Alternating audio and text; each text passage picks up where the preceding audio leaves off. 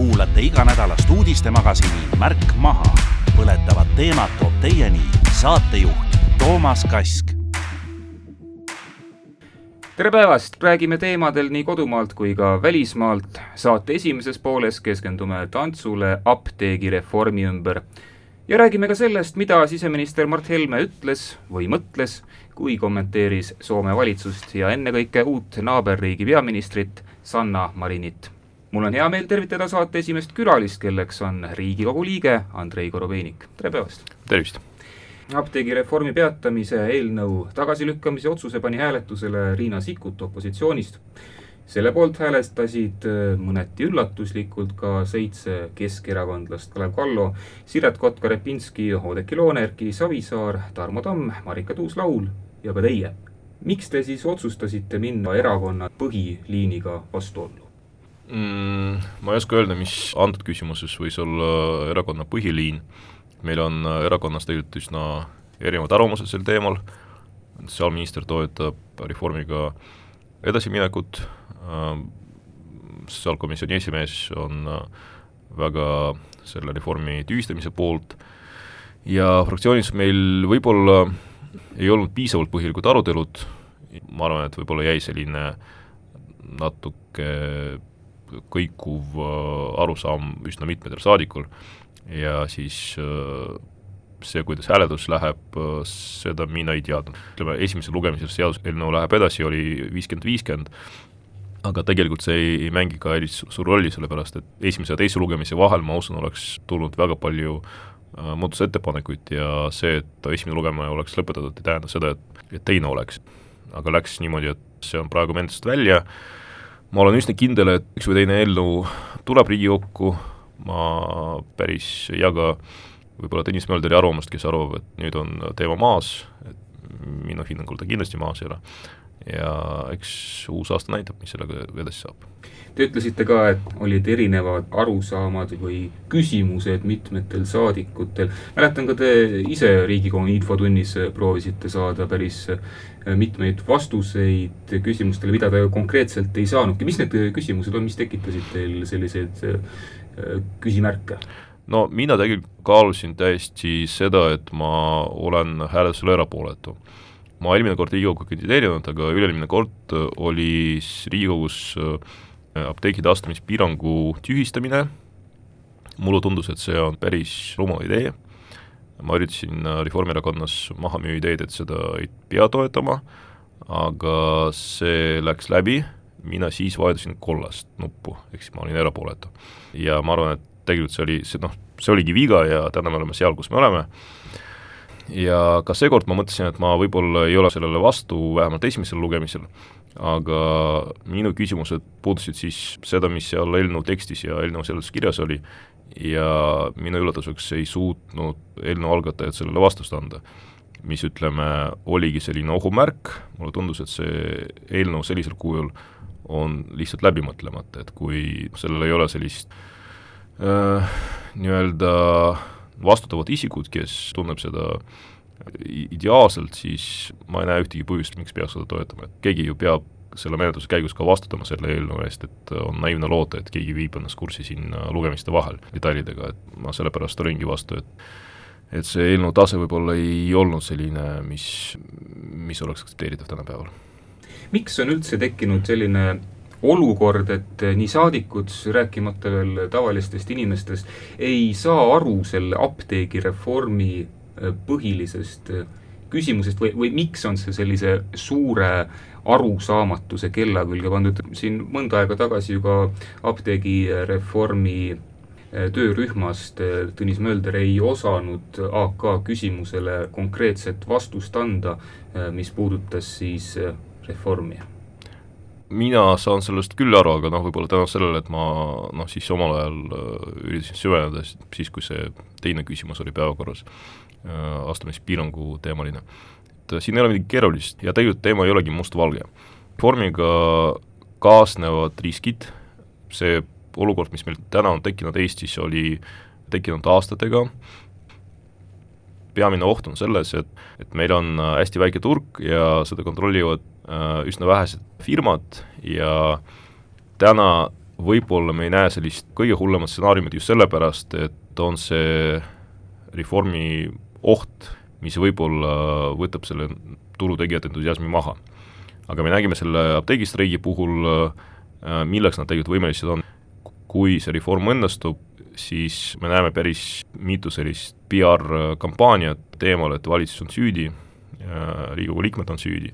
ja see on kahtlemata risk reformi sisu on ju selles, et apteegid võiksid kuuluda proviisoritele. ja nad ei kuulu proviisoritele ju sellepärast, et et astumispiirang oli maha võetud, vanasti ei saanud uut apteeki ehitada siis vana apteegi ühe kilomeetri raadiuses, ja nüüd saab. Ja selle tulemuseks tulid need ketiapteegid sinna, kus oli olemasolev proviisoriapteek ja nende ressursid olid palju suuremad ja nad said siis selle proviisoriapteegi välja süüa sealt uh, turult. Ja nüüd me tahame, et see olukord oleks nagu ta oli siis äh, sajandi alguses, aga keegi ju ei saa sundida suurt firmat müüa enda apteegi, kui ta millegipärast arvab, et ta ei taha seda, ta peab seda kinni panema, kui äh, seadus jõustub. aga müük on tema vaba tahe ja võibki juhtuda, et meil näiteks paar-kolm kuud äh, kõik need apteegid kinni, need müügitehingud ei toimu, proviisorid tahavad neid osta, aga keegi neile seda ei müü ja see oht on täiesti reaalne. et äh, ma väga loodan, et võidab terve mõistus, et turuosalised ei hakka irratsionaalselt käituma, aga siin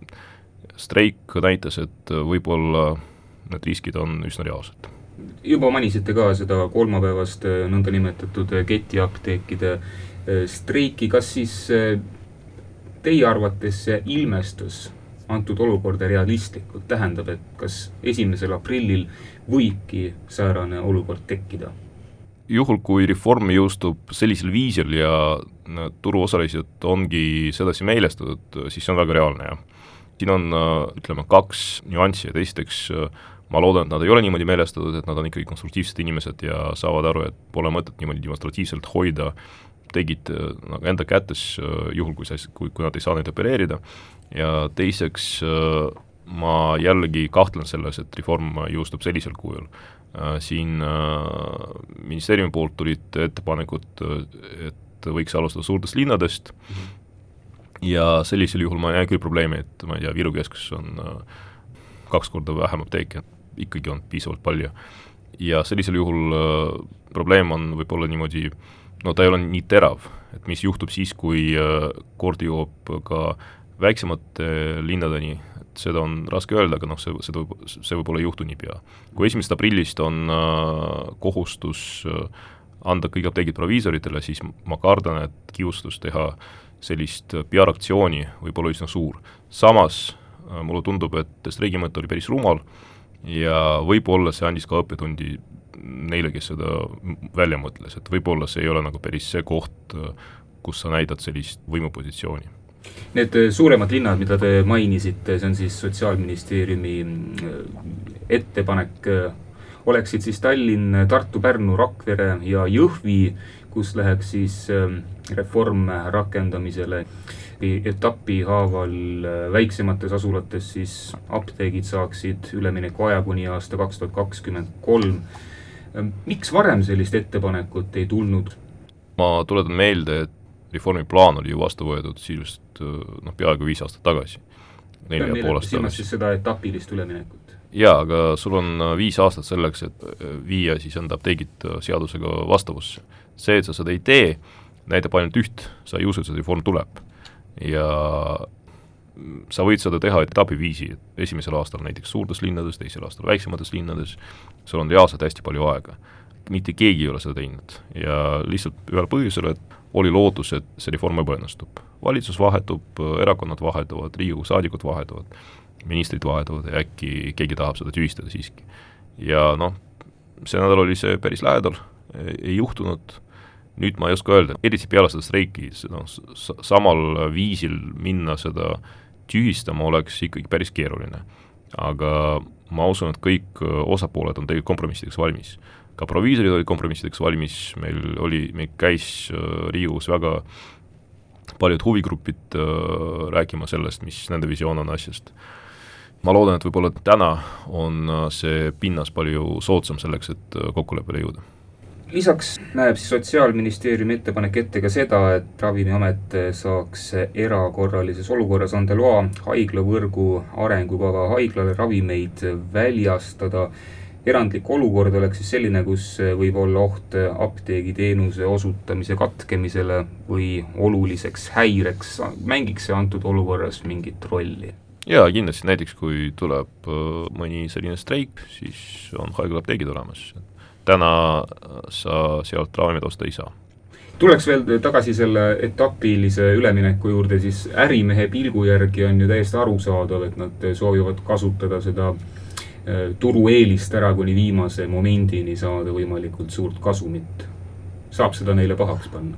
ma ei tea, kas nad tahavad just suurt kasumit saada, pigem on küsimus selles, et nad tahavad, see tänane olukord säiliks. kasumi saamine on nii ja naa, et Eesti rahvas on tegelikult üsna rahul äh, tänase apteegituru kvaliteediga ja see näitab seda, et tegelikult needsamad ärimehed on üldjoontes hästi hakkama saanud. aga meil on mure selles, et ravimihinnad on veidi kõrged. Ravimitel on küll piirhind olemas, aga see piirhind, noh seda sa võid äh, lisada suvalisele selle pakendi hinnale, et kui pakend on äh, tuhat eurot näiteks, siis äh, kuus eurot sinna lisada ei ole nagu väga suur kasumimarginaal. aga kui see on üks euro, siis on nagu teine lugu ja kindlasti üks peamistest faktoritest oli ju see, et apteegireformi eesmärk oli selles, et hulgi- ja jaemüük oleks eraldi, mis peaks justkui äh, tõstma seda konkurentsitaset turul. kui, kui apteek ostab ravimeid iseenda firma käest, siis seal on potentsiaalselt hästi palju võimalusi selle hinna kujundamiseks ja me nägime ka äh, siin streigi ajal, et, suured tegijad oskavad ka suurepärast koostööd teha, nii et ma arvan, et kui reformi ei tule, siis äh, me näeme, et hinnad tõusevad vaikselt, aga üsna kindlalt siin äh, lähimate paari-kolme aastaga. vahetame aga teemat, esmaspäev, sama päev veel oli ka umbusaldushääletus siseminister Mart Helmele. see kukkus läbi küll aga nelikümmend neli saadikut äh, umbusaldasid ja nelikümmend kaks siis äh, ei umbusaldanud. ometi see näitab ikkagi, annab teatud konkreetse signaali. võtame kas või selle, et erakond Isamaa äh, otsustas jääda neutraalseks selles küsimuses. jah, et ühelt poolt siseminister justkui vabandas, teiselt poolt sellised noh, selline tegevus ei ole üldjoontes kasulik ei talle, Eestile ega ka EKRE-le ja ma arvan, et noh, see ongi selline keeruline mm, ala, kus äh, võib-olla üks konkreetne inimene ei suuda, kui vanasti oli võimalik suunata eraldi retoorikat siis enda valijatele ja näiteks äh, välismaa meediale, siis äh, tänases äh, globaliseeruvas maailmas on see üsna keeruline, et kui sa suhtled justkui enda valijaga, siis järgmine päev loed seda juttu Guardianis, see on natuke nagu riskantne, et ma ei oska öelda, kas see oli siseministrile mingisugune õppetund või mitte, seda näitab tulevik, aga kindlasti ei olnud sellel väga suurt poolehoidu ka koalitsioonis. igal juhul näitab see seda, et koalitsiooni ühtsus mingil määral on hakanud kas nüüd mõranema või vähemalt näitavad märke, et päris kaua ja lõpmatuseni teised võimuerakonnad, EKRE sellist käitumist ei aktsepteeri. ma ei tea, ma ei usu, et täna keegi hakkab koalitsioonist välja astuma, ma ei tea, Isamaal on pensionireform tegemata veel, et, et vaevalt nad mingis teises koalitsioonis võivad sellest isegi rääkida. aga kindlasti see lisab äh, pinget ja selle hääletamistulemuse osas ma kindlasti mingeid järeldusi ei teeks, isegi kui mitte keegi ei vajutaks rohelist nuppu ja lihtsalt noh, ja hääletaks, siis umbusalduse läbiviimiseks on ju vaja seda, et koosseisu enamus oleks poolt, ehk siis viiskümmend üks häält. ja opositsioonil seda pole ja kui koalitsioon lihtsalt ei hääletaks, siis siseminister ikkagi jätkaks. et see on võib-olla selline üsna õrn signaal tegelikult, see, et et mõned saadikud jätsid, jätsid hääletamata, eks neil on võib-olla sellised enda põhjused, miks, miks nad seda tegid, me kindlasti sellega, et me ei toetanud umbusaldust, ei kiitnud heaks seda sõnavõttu. Mina isiklikult loodan, et meil ei tule siin järjekordset hääletust, ma ei tea, jaanuaris näiteks sarnastel teemadel, et äh, väga raske öelda, mida inimene konkreetselt mõtleb, aga kas ma loodan, et ta mõtleb võib-olla siis äh, järgmine kord pikemalt ja rohkem. kas te ise ka seda Tre raadio saadet kuulasite, millest käib jutt? pean tunnistama, et äh, Tre raadiot kuulajaks ma ei ole, et äh, ei ole kuulnud seda, aga ma olen lugenud teksti. ma ise kuulasin selle saate järele just selle eesmärgiga, et saada siis aru, kas seal oli möödamõistmine, kas seal oli tõlgendusviga või mitte. seda tsitaati on loomulikult juba kõik kuulnud nähtavasti, aga ma loeksin ta veel kord ette, siis Mart Helme sõnas siis Tre raadiosaates järgmist. ja ma tuletaksin meelde ikkagi Vladimir Lenini ütlust, et igast koolitüdrukust võib saada minister või kuidas ta ütles, nüüd me siis näeme, kuidas ühest müüjatüdrukust on saanud peaminister ja kuidas seal mõnest teisest tänavaaktivistist ja harimatust inimesest on saanud samuti valitsuse liige. tsitaadi lõpp.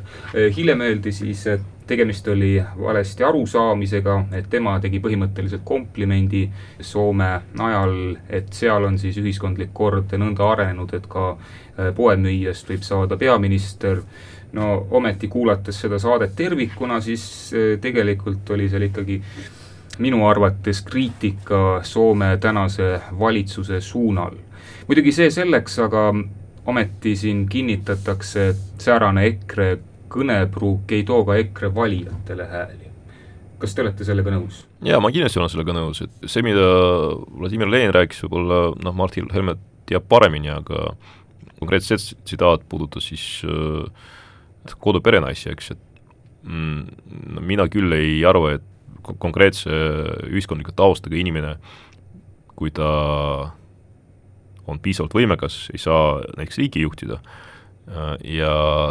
tegelikult kellest me üldse räägime, et kui me räägime nagu sellistest lihttöölistest, noh, nende solvamine ei ole üldse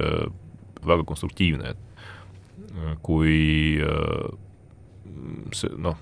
isegi me ei räägi nagu konkreetselt, ma ei tea, müügitööst või ehitusest või millest iganes, me räägime tervest äh, klassist, et selge see, et ma ei tea, need inimesed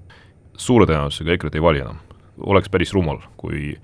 kui keegi tuleks, annaks häält äh, EKRE-le peale sellist äh, sõnavõttu. ja kes sellest võidab, ilmselt EKRE konkurendid ja isegi kui siis, kui see jutt oleks suunatud ainult EKRE valijale,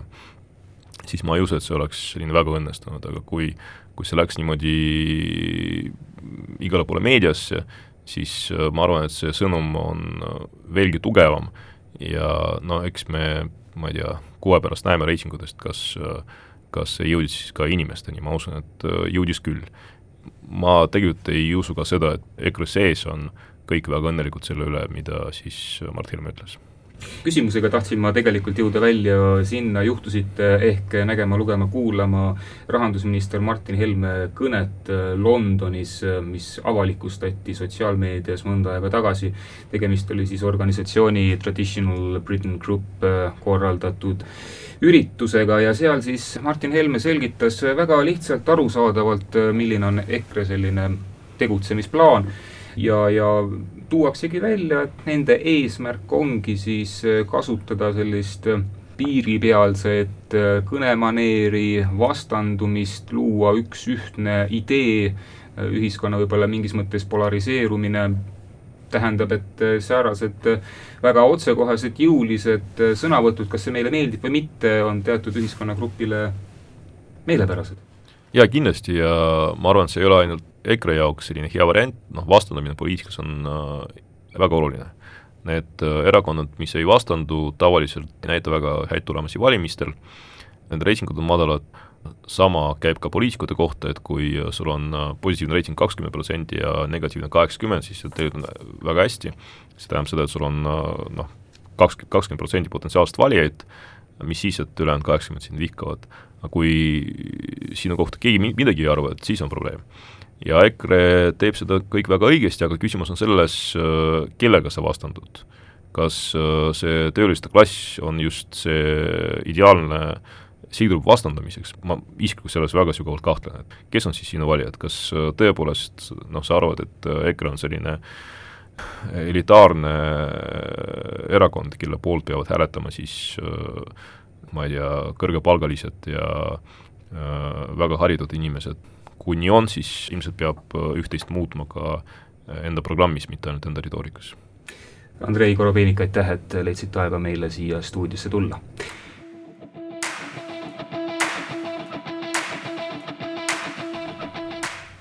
nüüd räägime probleemist, mis lõhestab Soome valitsuskoalitsiooni. meie põhjanaabrid siis vaidlevad selle üle, kas koos lastega tuua Süüria põgenikelaagrist Al-Holi tagasi Soome ka laste emad. Saatekülaliseks on Rahvusvahelise Kaitseuuringute Keskuse teadur Kalev Stoicescu, tere päevast! tere! alustaks võib-olla sellest, et mis põgenikelaager, mis laager see Al-Holi üldse on? see asub siis Kirde-Süürias, Iraagi piiri lähistel. milline on seal olukord, mis inimesed seal on? täpselt nii ongi, tegelikult Al-Holi linn on olemas ka ja see asub sealsamas äh, Süüria kirdenurgas, ka Türgist mitte väga kaugel, aga Iraak on seal muidugi kiviviske kaugusel, ütleme nii, nendes mastaapides. Ja selle kõrval on tekkinud teine linn või linnak, mis äh, koosneb telkidest, mis on ümber piiratud ja mille elanikkond, ütleme niimoodi, räägime siiski kinnipeetud isikutest, naised ja lapsed,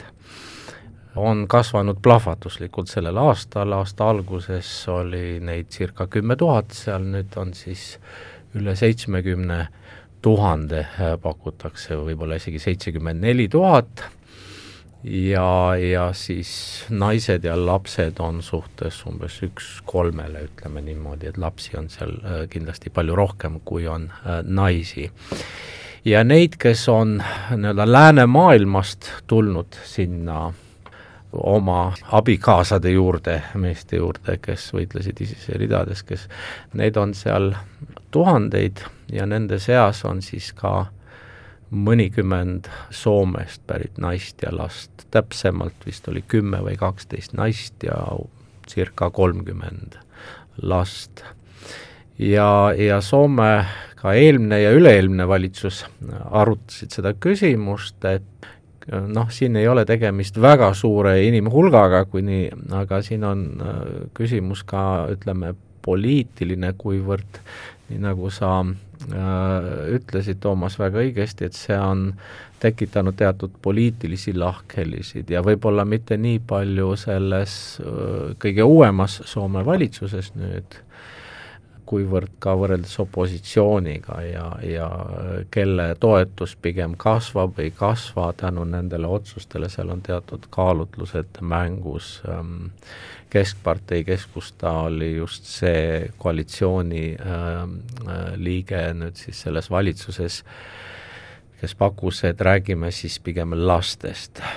ja siis ka varasemates juba põhipunktides, mida visandati, sõnad inimesed või kodanikud asendati sõnaga laps või lapsed, et oleks selgem pilt, kellest praegu räägitakse küsimuse all tegelikult ei olegi see, kõik äh, Soome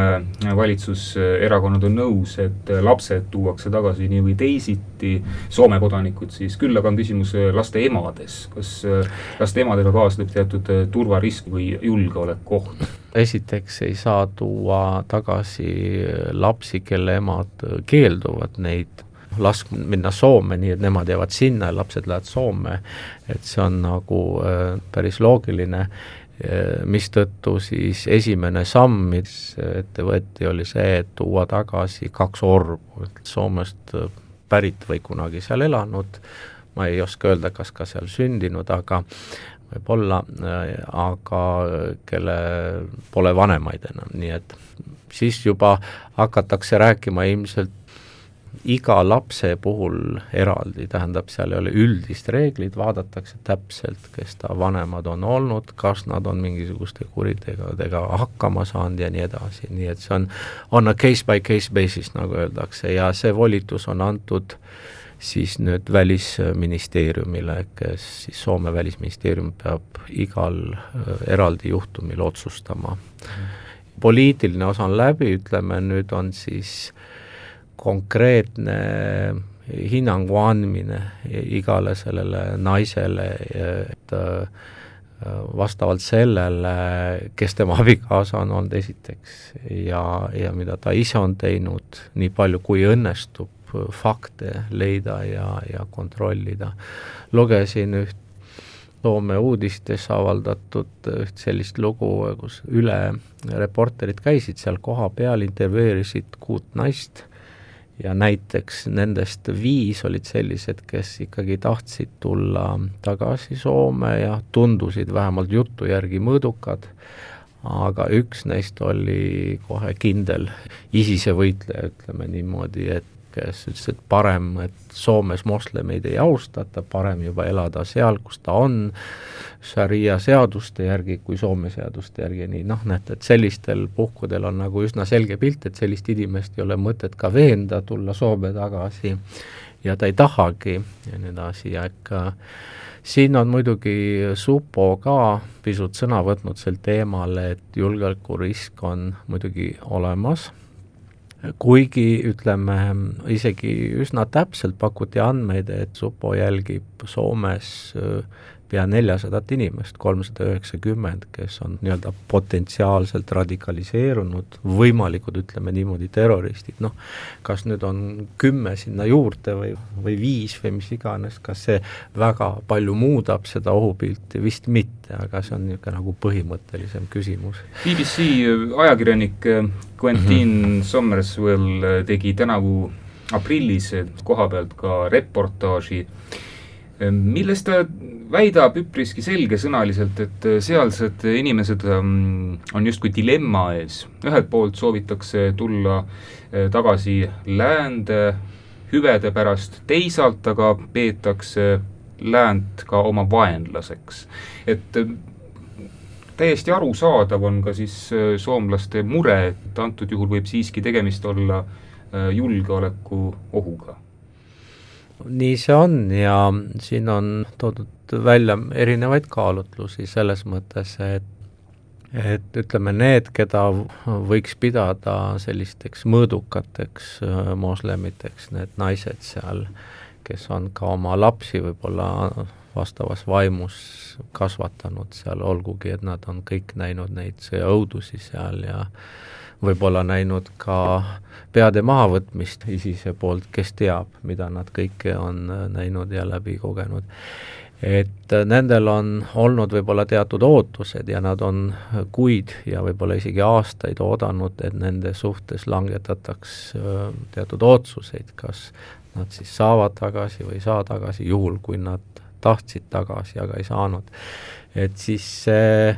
nii-öelda äh, mõõdukus ja teatud ootused võivad asenduda mingil hetkel frustratsiooniga ja sealt edasi toimub radikaliseerumine ja selles osas äh, on, on väga paljud eksperdid äh, sellele tähelepanu pööranud, et nii see radikaliseerumine toimubki lõpuks ja siis tõesti tuleb juba väga-väga ettevaatlik olla selliseid otsuseid tehes. aga see ikkagi on ju tänapäevases lääne ühiskonnas selline tõsine dilemma koht, võtame siis äh, inimõigused versus äh, ühiskonna selline, kas nüüd õigus, aga ühiskonna huvid julgeolekuriskid on ka siis, kui ütleme noh, võtame teisiti, ärme räägime nüüd äh, islami fundamentalistidest ja terroristidest, kui antakse armu kellegi kurjategijale, kes on inimesi tapnud. olgu ta päris soomlane näiteks või päris eestlane või sakslane või kes iganes, sealt ei teki küsimus, et kas ta peab olema elama selles riigis ja nii, ta on sooritanud võib-olla samamoodi väga koledaid kuritegusid, talle antakse armu, arvatakse, et noh, et käitume taga siis inimlikult, et ehk paraneb ja nii, ega tegelikult tema on samasugune julgeolekuoht, kui ta on tänaval, kõnnib ja, ja ta võib uuesti oma kuritegusid teha, nii et et ei maksa alati teha siin vahet, ütleme, nendel, kes on moslemid ja kes on Süürias käinud ja teistel case-idel, nad võivad olla pealtnäha väga erinevad, aga sisult äh, ühesugused. seal on ka muud probleemid selles mõttes, et äh, kui kauaks suudetakse seda laagrit valvata, kus on seitsekümmend neli tuhat, ütleme, kinni peetud ja nelisada valvurit pidi olema, jah. Ja seal on väljatungimiskatseid olnud ja seal võib-olla, kui ISIS tõstab veel natuke pead kuskil sealkandis, võib ise rünnata seda laagrit selleks, et vabastada neid naisi ja lapsi ja nii edasi. nii et selles mõttes seda laagrit lõputult seal hoida ka ei saa, nii et mingisugune lahendus tuleb leida sest ilma, ütleme, meie mõistes lääneriikides me oleme ju, ju äh, me, meil on nagu lähtume oma seaduse jõust, oleme õigusriigid, et äh, ei saa ju eluks ajaks vangi panna neid inimesi ja veel lapsi ka veel äh,, nii et midagi peab ju tegema, tegelikult see laager konkreetselt peaks ju mingi aeg kaduma sealt, aga kuhu need inimesed siis lähevad. ja Soome puhul oli ka see kaalutlus, ütleme, miks pöördi lastele, sest noh, lastel on nii või naa eriõigused ja neid tuleb kaitsta, eks ole, võrreldes täiskasvanutega, selles mõttes, et nende laste vanemad, isad ja emad järgi võib-olla, läksid sinna vabatahtlikult, aga lapsed enam vabatahtlikult selles mõttes ei läinud, nii et siin on ka erinevad õigusaspektid mängus ja veel loomulikult rääkida Süürias äh, kohapealsest poliitilisest olukorrast, siis äh, kurdid ju, kelle teatud sellises äh, kas nüüd haldusalas, aga, aga kes seda laagrit aitavad seal hoida, need on ju Türgi mõistes terroristid, just. et nii-öelda terroristid valvavad nii-öelda terroriste, nii et ja võib-olla ei olegi keegi neist nii väga, aga noh, mingisugune osa nendest naistest seal selles Al-Holi laagris on kindlasti radikaliseerunud, seda ei saa eitada ega see ei oleks mõistlik arvata, et neid ei ole seal. ja siis ongi küsimus, kui palju neid on ja kas nendest Soomest pärit naiste seas ka on neid, see on jällegi tööd ja tegemist nüüd äh, Soome välisministeeriumil ja supol, et siis ka Eesti Kaitsepolitsei avaldas kolmapäeval pressiteate Äh, milles väidab, et äh, mitte ükski Süürias viibiv ja Eestiga seotud inimene meie teada pole siis äh, soovinud Eestisse naasta, juhul kui peaks tekkima olukord, et seal laagris võib-olla on Eesti kodanik nii-öelda. kas me saaksime ta vastu võtta, millistel kaalutlustel, millist nõu võiks anda? No vot, see ongi see küsimus jällegi, et kui tegemist on Eesti kodanikuga, kas on tegemist äh, sünnijärgse Eesti kodanikuga, mida ka ei saa välistada, või, või on tegemist naturalisatsiooni korras äh, saadud kodakondsusega ja kas naturalisatsiooni korras, kui on taotletud saadud kodakondsust, kas siis on tegemist äh, pettusega, ütleme, et on, inimene on valetanud teatud asjades, näiteks seesama, kas inimene on olnud seotud terrorismiga või on või mitte, noh. Äh, nii et no see on jah, ka selline õiguslik küsimus ühest küljest, sest tegelikult ju Eesti kodanikul ei saa keelata, kuniks ta on Eesti kodanik, kodumaale ju tagasi pöörduda iseenesest, äh, minu teada vähemalt ähm, isegi kui Eesti riik peaks teda süüdi mõistma kuritegude suhtes ja nii, ja see võib olla muideks ka, mis võib juhtuda ka võib-olla mõne nende naisega, kes võib-olla saab Soome tagasi, kui tegelikult lõpuks tehakse kindlaks, et ta on osaline olnud kindlaks tehtud kuritegudes, siis ta kindlasti kantakse kohtu alla ja kannab oma karistuse saate lõpetuseks veel räägime natukene ka USA-st, nimelt USA esindajate koja täiskogu algatas kolmapäeval president Donald Trumpi tagandamise, kinnitades hääletusel mõlemad süüdistuspunktid, nii võimu kuritarvitamise kui kongressi töö takistamise. ometi see ei ole ju nüüd kogu loo lõpp-punkt, edasine otsustamine on ju senati otsustada, mis, kus on siis võimul enamuses vabariiklased. kuidas see võib äh, edasi kujuneda? jah, no just nimelt nii see ongi, et äh, esindajate kojas, alamkojas on siis demokraatidel ülekaal ja see peegeldus ka selles hääletuses. ei oska öelda, kas või kui palju vabariiklasi võis seal olla, aga ta oli enam-vähem rangelt mööda parteiliine äh, hääletati ja kui täpselt samamoodi hääletatakse ka mitte südametunnistuse, vaid parteilist liini pidi ka senatis, siis ilmselt see presidendi tagandamine nähtavasti kukub läbi, seal on vaja, et paarkümmend circa äh, senaatorit, vabariiklastest räägin, hääletaksid siis tagandamise poolt, äh, noh, senati enamuse liider McConnell ütles, et, et see on zero chance selle kohta, et see on null võimalust, et äh, jah, arvata võib, et iga senaatoriga kes peaks vastu hääletama tagandamisele, on, ähm, on kõvasti tööd tehtud, noh, ütleme, et üht või teist viisi on nad taskus, äh, Valge Maja peremehel on nad nii-öelda ära ostetud, ütleme nii. Ja selles mõttes äh, siin mõtlevad inimesed, ma kardan, need, kes siis lõpuks otsustavad rohkem oma poliitiliste huvide ja tuleviku peale, kui kui riigile kui tervikule ja põhiseadusele. olen lugenud erinevaid ähm, kommentaare, analüüse sellest seisust ja nendest motiividest ja ma pigem tõesti nõustuksin väitega, et kui, kui ka need argumendid ja välja toodud faktid ei ole piisavad ähm, tagandamiseks, siis, siis ei ole miski enam piisav. tegemist on ikkagi ja... pretsedendiga, Trumpi näol on siis kolmas president USA ajaloos, kes on äh, tagandamisprotsessi äh, kas nüüd läbi läinud, aga vähemalt see protsess on no need, kõik need on olnud äh, omamoodi erinevad, näiteks Nixon astus äh, hääletuse, tagandamise hääletuse eelõhtul äh, tagasi, teades, et see tuleb, tal ei olnud mõistlik lasta sellel impeachmentil läbi minna. Clintonil ei läinud läbi, nii et võib-olla ka nüüd siis Trumpi puhul ei lähe läbi ja noh, selle halb äh, järelm on kindlasti see, et see võib tugevdada tema šansse saada taasvalituks ja mitte ainult seda, vaid äh, ta võib alles hakata selliseid äh, tagandamisväärilisi tegusid tegema. Kuivõrd arvestades, see tagandamine on alles olnud ja kukkus läbi, siis me, ma arvan, et me ei tohiks alahinnata tema potentsiaali nii-öelda negatiivses mõttes, nii et ja, ja kui nüüd tulevad hoopis uuemad asjad, mis on võib-olla isegi veel rohkemad, et tagandamisväelist, kas siis USA kongress hakkab siis, ma ei tea, järjest selliseid tagandamisi korraldama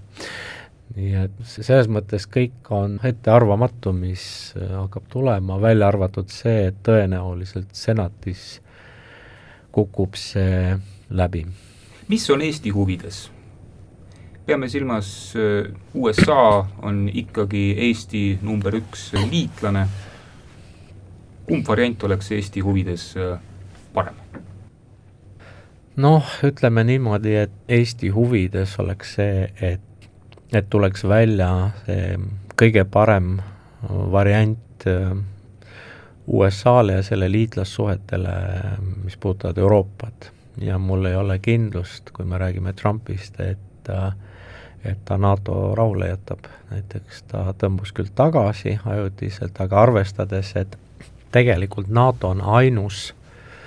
rahvusvaheline formaat, kaits-, noh, koostööformaat, mida ta siiani lammutada sõna otseses mõttes äh, noh, ei ole asunud veel nagu noh, seda tegema, siis, siis ma ei näe reaalselt, et ühtpidi oleks tal nagu selge mõistus ja ta oskaks hinnata rahvusvahelist koostööd ja liitlassuhteid. Ja teise ajupool keraga ütleb, siis, siis nagu totaalselt ei saaks aru äh, sellest, nii et äh, et siin ma näen nagu ka teatud äh, vastuolu tegelikult ja et see on võib-olla lisaks äh, see võib tulla tema järgmise presidendi ametiaja jooksul, juhul kui ta tagasi valitakse. usute, et ta valitakse tagasi? tähendab, kui see, kui see tagandamine kukub läbi nüüd senatis, siis tema šansid kindlasti tõusevad ja kahjuks ei ole see tema äh, hea töö või tegude tulemus, vaid seda, et minu meelest äh, demokraadid on sisuliselt maha maganud jälle need neli aastat, tähendab sellest hetkest, kui Trump valiti ja ta asus ametisse, nad oleks pidanud kohe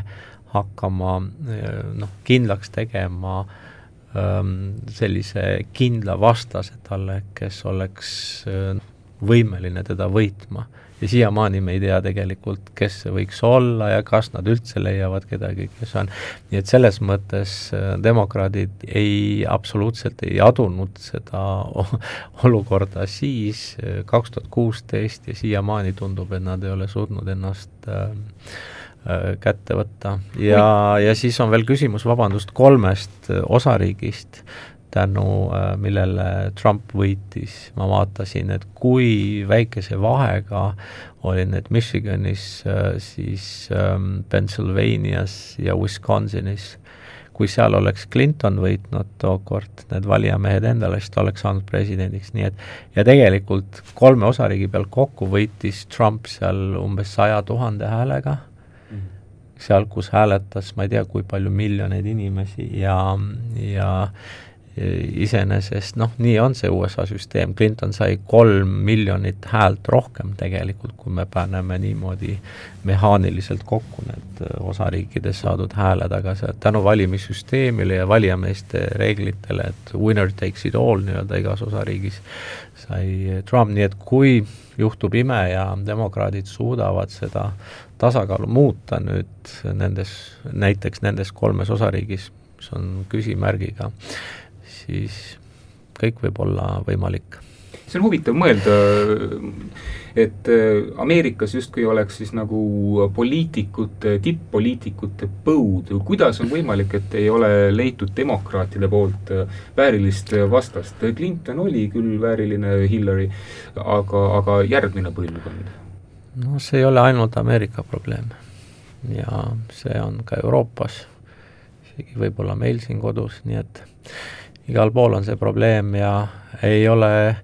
ja miks siis, miks paistab näiteks Venemaa president Putin nii selgelt välja ja nii edasi, sellepärast tal ei ole läänes äh, väärilist vastast, kahjuks.